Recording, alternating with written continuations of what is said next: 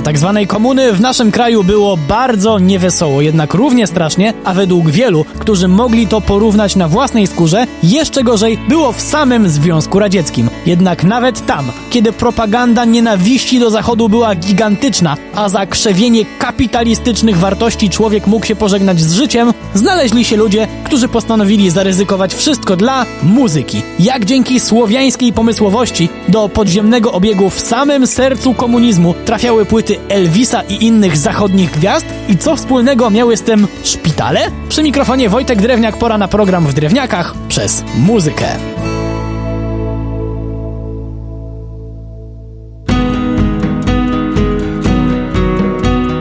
Starsi niech mi wybaczą banalne stwierdzenie na początek, ale na wszelki wypadek uświadomię młodszym słuchaczom lata 50. i 60., czyli czasy, o których dziś będziemy mówić, to okres, kiedy o MP3 czy nawet o płytach CD można było pomarzyć. Podstawowym nośnikiem muzyki były płyty winylowe, które miały wiele wad, ale dziś najbardziej interesuje nas jedna rozmiar. Ciężko było taką płytę ukryć w razie kontroli nie tylko na granicy, ale też podczas wjazdu służb do domu.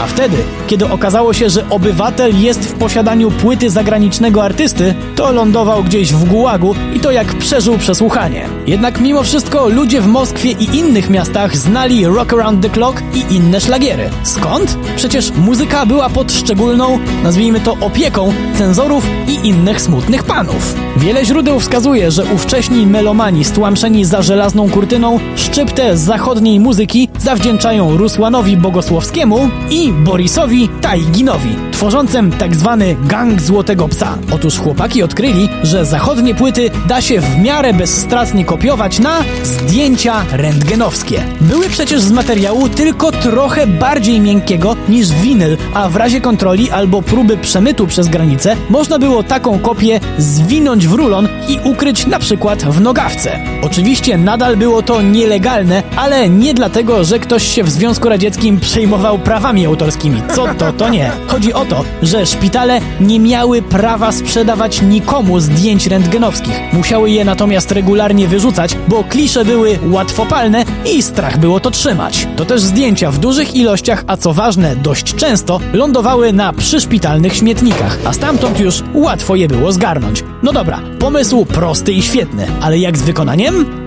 To było równie proste. Kopiowanie oryginalnej płyty na zdjęcie trzeba było zacząć od wycięcia z rentgenu kształtu płyty i zrobienia dziurki w środku. Podobno świetnie nadawał się do tego papieros. Tak przygotowane zdjęcie kładło się na specjalnie przygotowanym gramofonie z trochę dłuższą igłą, który był sprzężony z drugą maszyną odtwarzającą oryginał.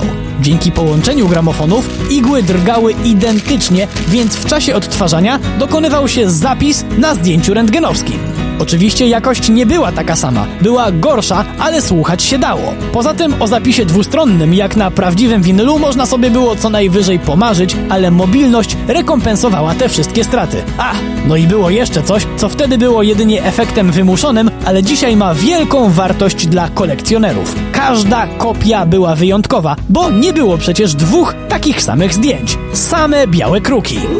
Pomysł okazał się strzałem w dziesiątkę i wielkie przeboje z zachodu zaczęły rozpowszechniać się po Związku Radzieckim i były pieszczotliwie określane jako żebra. Niestety jednak władza w końcu zaczęła węszyć i po nitce dotarła do kłębka, a bardziej do gangu Złotego Psa. Chłopaki ponieśli może nie najcięższą, ale i tak srogą karę, bo trafili do gułagu, w którym na szczęście przeżyli Stalina i kiedy ten wąsaty, wredny dziad umarł, wyszli na wolność. Po czym wrócili do kopiowania zachodnich płyt na rentgenowskie zdjęcia, które dziś są wielkim rarytasem dla miłośników muzyki i jednocześnie dowodem na to, że muzyka nie zna granic, a ludzie z miłości do niej są w stanie zaryzykować nie tylko więzienie, ale i utratę życia i represję najbliższej rodziny, bo przecież takie właśnie były realia. Przy mikrofonie był Wojtek Drewniak.